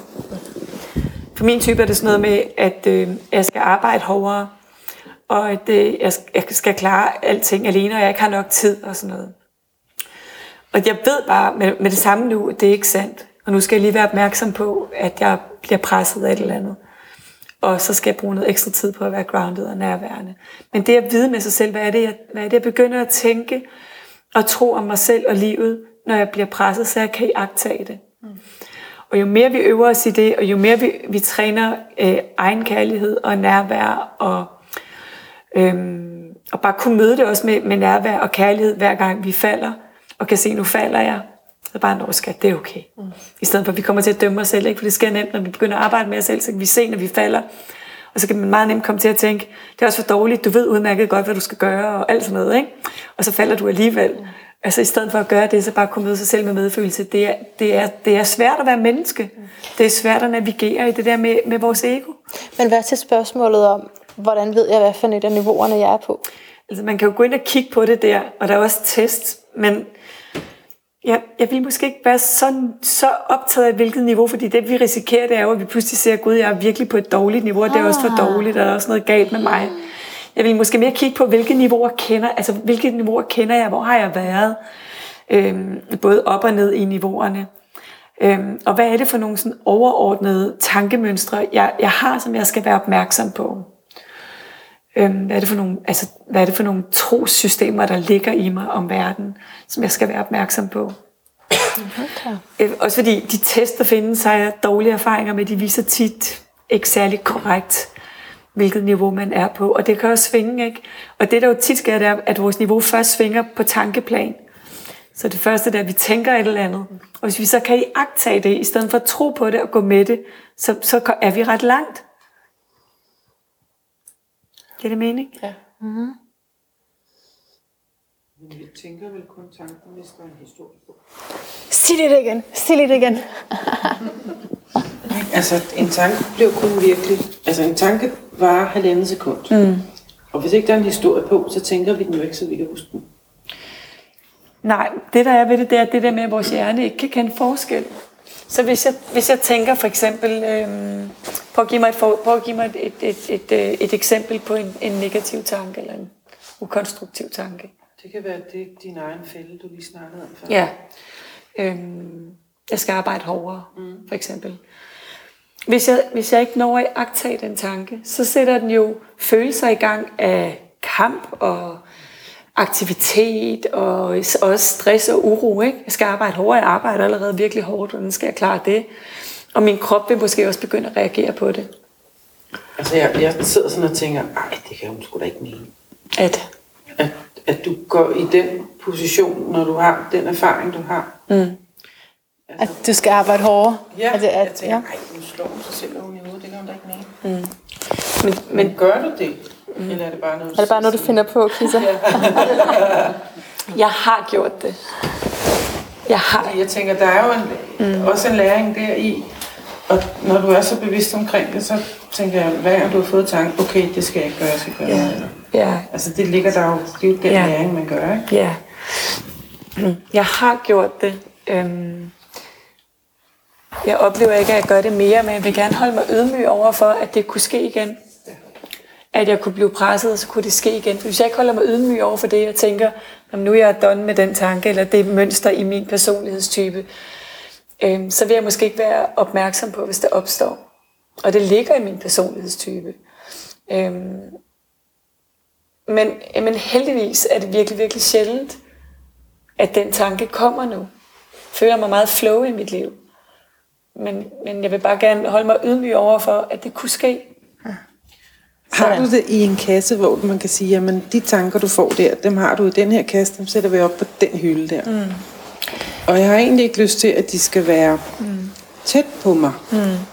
Men de må godt være i mit liv. Mm. Øhm, men mm. det er ikke nogen, som, som... Altså det vil sige, at hvis du så kommer til at få tanken igen mm. på et mm. tidspunkt, mm. så kan man lige sådan kigge derop og sige, okay, de står i den kasse deroppe, men den lader vi bare stå. Ja, altså... Og kommer du så til at være i en tilstand, hvor at kassen kommer ned og tættere på dig, mm. så siger du, nå ja, det er jo den kasse der. Kig ned i den og sig, ah, okay, vi sætter den op igen. Mm. Er det sådan? Eller, altså jeg tænker også mere på det der selvudvikling. Hvordan er det egentlig, man håndterer det? Mm. Øhm, ja, altså da jeg sådan rigtig begyndte at opdage de tanker tidligere, så, så var det måske sådan, at jeg så kunne jagtage dem og kunne begynde at sige til mig selv, det er simpelthen ikke sandt. Det er bare min types måde at, øh, at, at tænke på, simpelthen. Jeg, i, I dag, der tror jeg, det, det vil mere... Jeg kan simpelthen ikke huske, hvornår jeg sidst har har haft den og presset mig selv med den. Men jeg tror, at det mere vil være, at den vil bare, vil måske bare registrere den et sted meget længere ude. Bare kunne registrere, at det ligger og kunne bare gøre noget andet. Jeg behøver ikke at arbejde på det i dag. Hvor da jeg rigtig begyndte at opdage det, der var det arbejde, ikke? der var det hårdt arbejde. Der var det sådan, okay, det er ikke sandt. Det er ikke sandt. Okay, det er virkelig ikke Det sandt. Okay, hvordan kan det ikke være sandt? For det føles jo virkelig sandt, og det skal jeg jo, og hvem skal så hjælpe mig, og alt det der, ikke? Og jeg er jo nødt til, at jeg har jo 10.000 beviser for, hvorfor det er sådan her, ikke? Så Øhm. målet er at få det det længere ud, så det mere bliver Ja, ja, det- intuitivt, at At det føles simpelthen ikke sandt længere. Nej. Det føles simpelthen ikke længere sandt. Men har det ikke noget med dit selvværd at gøre?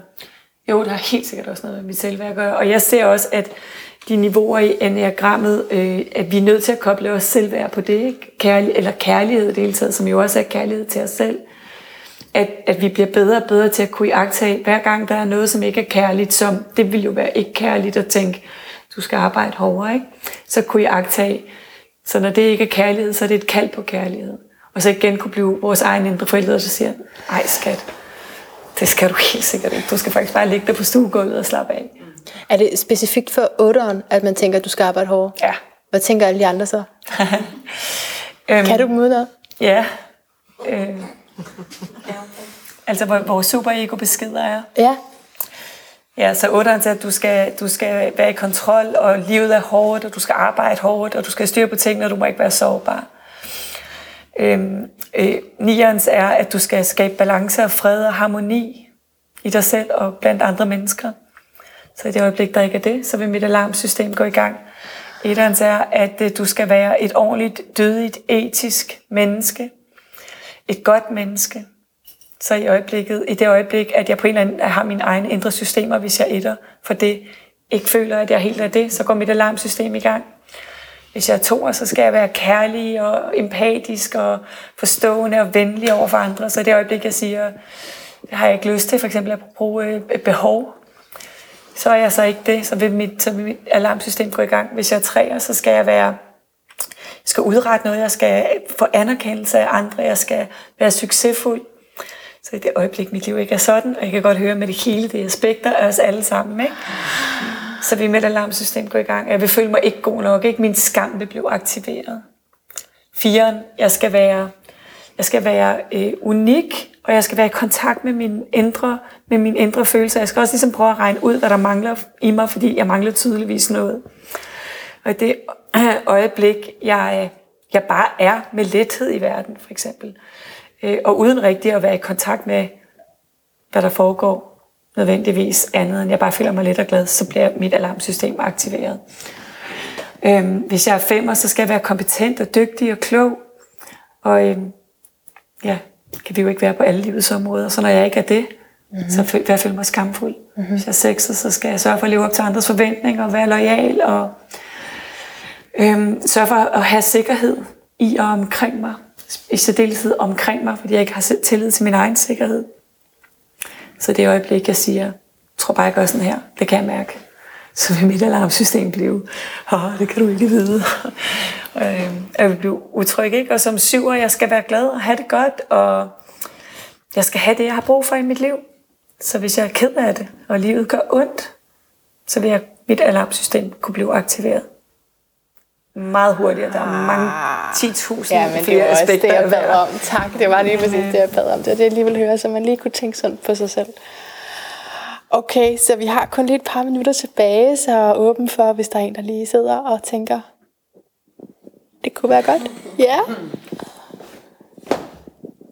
Jamen, jeg, jeg kom til at tænke på det her med altså tillid til sig selv. Mm. Det at have sin egen ryg. Ja. Det synes jeg også er ekstremt svært, fordi at jeg bliver tit udfordret i mine relationer. Mm. Igen i tråd med det her med at, at have mod til at være sig selv. ja.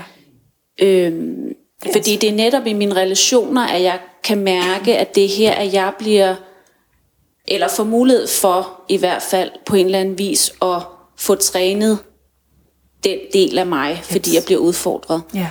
Øhm, jeg ved egentlig ikke, hvad jeg vil spørge om, men, men jeg tror måske, det er det her med, hvordan kan man skabe den tillid til mm. sig selv, mm. øh, så man ved, når nu står jeg i en svær situation. Ja. Øhm, Det kan man ved at være nærværende, så man er til stede med sig selv, når man er i livet. Mm. Og, og, kan, og derved kan mærke, øhm, nu, nu skal jeg udtrykke, hvordan jeg har det. Og træne sig i at udtrykke det, sådan at man langsomt får tillid til, det kan jeg godt. Og der er alle mulige øhm, teknikker til, hvordan man kan udtrykke det på alle mulige gode og hensigtsmæssige måder. Og, øhm, og jeg tror, man skal bare begynde og, og ikke være så optaget af, om jeg nu får sagt det rigtigt og kærligt, og den anden ikke bliver støttet og sådan noget. Nogle gange skal vi bare øve os, og så kan vi, skal vi øve os, og så kan det blive elegant. Ikke? Ligesom vi heller ikke er elegante balletdanser fra starten. Så kan, det, så kan den måde, vi udtrykker os, og vores behov og vores følelser kan blive mere og mere elegant. Og i starten, så må vi bare, vi er ligesom små børn jo tit, der skal øve det. Ikke? Så må vi bare sige det, og så må det være, som det er, og så må der ske det, der sker. Og så får vi jo stille og roligt øh, tillid til, at vi har os selv, og dybest set, hvis vi ikke har været vant til det, så har vi jo også vist os selv, jeg kan ikke have tillid til mig selv. Jeg kan ikke gå ud i verden og have tillid til mig selv, for det er det, jeg har set. Og jeg har gang på gang prøvet at gå hjem fra noget og mærket, jeg havde ikke mig selv, og jeg udtrykte ikke, hvordan jeg havde det, og jeg svigtede mig mm. selv. Så nogle gange kan det være sådan en lang utroskabsaffære, man har haft med sig selv, som skal heales ved, at vi siger, jeg elsker dig, jeg har dig, jeg lover dig næste gang, så, så, så, siger jeg, så udtrykker jeg det, og jeg er med dig, også selvom det er svært, og også selvom alle skulle synes, at du er en kæmpe idiot, når du siger det, så elsker jeg dig, og jeg har dig. ja. Og på den måde stille og roligt træne det, så vi får den der sådan dybe tillid til, at, at vi kan være i verden med integritet, mm. og være i verden, som vi er. Og så er det klart, at når vi virkelig hviler i det, så bliver det nemt og elegant at udtrykke os. Og i starten er det svært, og, for, og vi bliver for meget og for lidt og alt muligt. Mm. Og det er lige meget, bare gør det. Ja. Og jeg tror også tit det der med, at fordi det er en svær øh, ja, proces, øh, så står jeg i hvert fald nogle gange tilbage med en følelse af, at jeg ikke har været tilstrækkelig, eller jeg ikke har, Ja. har været god nok til at, at træde til, eller, mm. og så føler jeg, at jeg svigter mig selv. Ja. Og så genererer det nogle, nogle ubehagelige følelser inde i mig, Yes. som jeg på en eller anden vis også har svært ved at rumme. Ja. Øh, Så der er tit sådan tilgivelsesarbejde med os selv, når vi begynder at kigge på det her. Ikke? Nogle gange kan det også være sådan, at man skal skrive sådan et, et, et undskyldbrev uden skyld. Men hvor man bare anerkender, jeg, jeg ser det, jeg har ikke været der for dig, jeg har ikke vidst, hvordan jeg skulle være der for det, eller være der for dig, men jeg lover dig, at jeg er opmærksom nu. Og næste gang jeg fejler, så lover jeg dig, at jeg er opmærksom på, at jeg gør det, og jeg vil, jeg vil øve mig. Ikke? Ligesom, hvis, ligesom hvis man reelt havde været nogen utro, så ville man også mange gange skulle sige, det er jeg ked af. ja. Det lover jeg, jeg, jeg, det gør jeg ikke igen. Ja. Sådan, at vi stille og roligt kan opbygge tilliden. Men det, der er den store ting, det er det der med at gøre det uden skyld. Ikke? Bare kunne se, om der er en rød tråd i, hvorfor jeg, hvorfor jeg ikke har lært det her, jeg bare ikke kan det. Mm. Øh, og jeg, det, det store ting. Jeg tror ikke, jeg kan være elsket og være i verden, hvis jeg udtrykker det her. Altså, det er ikke for, for tøsedrengen, så mm. vel? Og det kan være små ting, som at sige, jeg har faktisk ikke lyst til den kaffe, du har skænket til mig, jeg vil hellere te. Ikke? Seriøst, det kan være sådan noget, ikke? Ja. som så aktiverer hele det der, ja, så er der ingen, der elsker dig, så kan du lige så godt forlade jordens overflade. Ja. ja, og det er jo derfor, fordi ellers ville det jo være ret enkelt bare at sige, at jeg bryder mig faktisk ikke om kaffe. ja. Ikke? Og det, det, det er jo ikke en tanke, nødvendigvis, men en fornemmelse af, at jeg er lige så godt, altså at jeg mister. Ja, det er jo tit sådan nogle dybt, altså indgroet, ja, gammel, gammel frygt, mm. ikke? Som, som bare bor helt dybt i vores nervesystem og vores, vores underbevidsthed, som gør, at selv enkle ting, ting, som man skulle synes, det var da ret enkelt bare lige at bede om, Yes. det bliver svært. Ja, fordi Alright. det er jo lige så meget, altså det der med at kunne tilgive sig selv, mm. og møde sig selv mm. øh, på, en, på en god og kærlig Ja. måde. Øh, og det synes jeg sat mig også er svært, hvis, hvis man i en lang periode af sit liv ligesom har punket sig selv oven i hovedet. Ja. Øh, altså den er svær at Ja. ændre på. Det er en ny tid, Ja, ikke? jo. Simpelthen. Ja, og det, det er svært. Og, men, og nogle gange skal der meget smerte til, inden vi gør noget. Ikke? Nogle gange skal det simpelthen gøre så ondt. Ja. Så skal vi sidde til det der middagsselskab, og det er alt, sammen, alt inden i os skal mm. knuse sig sammen af ubehag mm. over at være i det, inden vi får mod til at sige, jeg har ikke lyst til at være med til at tale dårligt om nogen, eller mm. jeg bryder mig ikke om, altså whatever. Mm. Ikke? Jeg er godt stykket over grænsen, måske. Mm, nogle gange skal det gøre ondt. Inden vi Okay, vil bare have det at vide tre gange. også det så jeg en hånd herover. Nej, ikke nogen som helst hånd. Andre steder, hænder. Jeg kan se hænder over det hele, men de er ikke oppe. okay, det er godt. Så runder jeg lige optagelsen her af.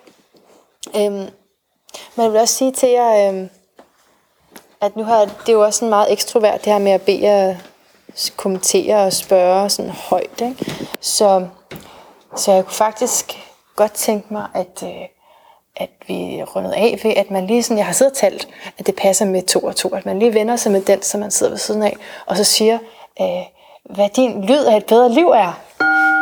Er det ikke et godt spørgsmål? Okay. Okay, har alle haft turen til at sige en lyd?